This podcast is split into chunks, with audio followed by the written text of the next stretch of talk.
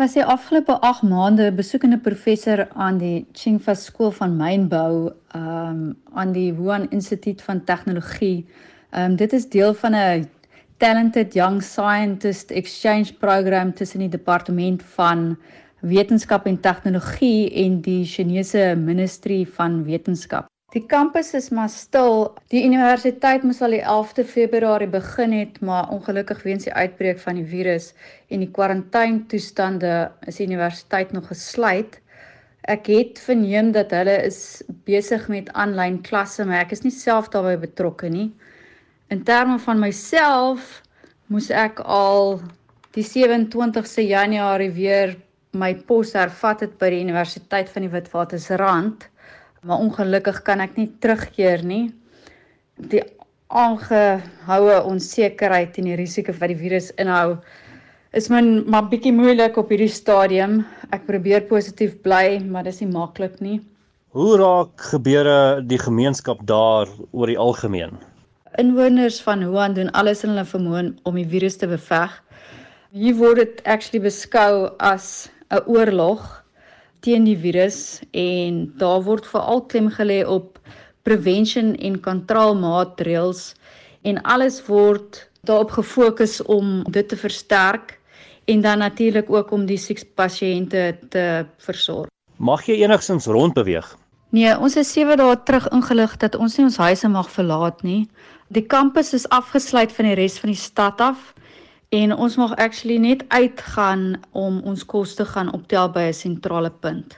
Ek doen maar meestal klasvoorbereiding vir my studente by Wits en werk ook aan die opskryf van van my navorsing.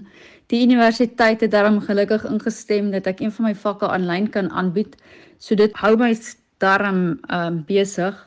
Verder praat ek maar met my vriende en familie. Ek lees, ek speel bietjie Sudoku, maak kos uh, en en was was goed.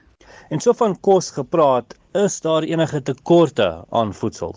Meeste van die winkels is op die oomblik gesluit. Die geboue en die universiteitskampusse word uh, as geslote gemeenskappe bestuur. So hier op my kampus is daar tans 'n sentrale meganisme waar ons kan kos uh, aankoop. Die verskeidenheid is baie groot nie, maar jy kry daarom groente en vrugte. Ek het nog nie eintlik iets anders probeer koop nie, so ek kan nie sê of daar tekort daarin is nie. Wat dit baie moeilik maak is die taalverskil want baie min mense praat Engels en so selfs ek moet deur een van my kollegas um vir my kos bestel. Nou jy is al 'n maand lank daar vasgekeer. Het jy enige idee wanneer jy toegelaat sal word om terug te kom na Suid-Afrika? Nee, ek weet nie wanneer ek sal kan terugkeer Suid-Afrika toe nie. Dit is maar wat dit so moeilik maak, uh is hierdie konstante onsekerheid en dan ook die vrees om aan die virus blootgestel te word as mens uitgaan. Ek dink baie van ons Suid-Afrikaanse burgers in Wuhan voel die regering het ons afgeskryf en ons aan ons eie lot oorgelaat.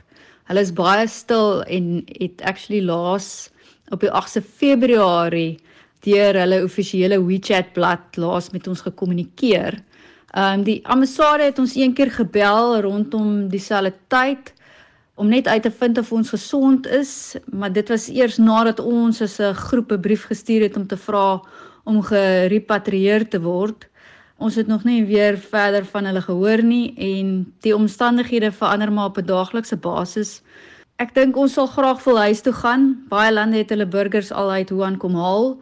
So dis nie onmoontlik nie. Nie almal van hulle was eerste wêreldse lande nie en nie almal het goeie gesondheidstelsels nie. My vriende en familie is maar baie bekommerd oor my. Um daar word baie vir my gebid. Baie mense stuur vir my boodskappe. Uh en ek dink hulle is ook maar net soos ek gefrustreerd en die onsekerheid um knaag maar aan mense se senuwees. Uh ek probeer maar um positief bly en hulle probeer my maar positief hou, maar dit is nie altyd maklik nie.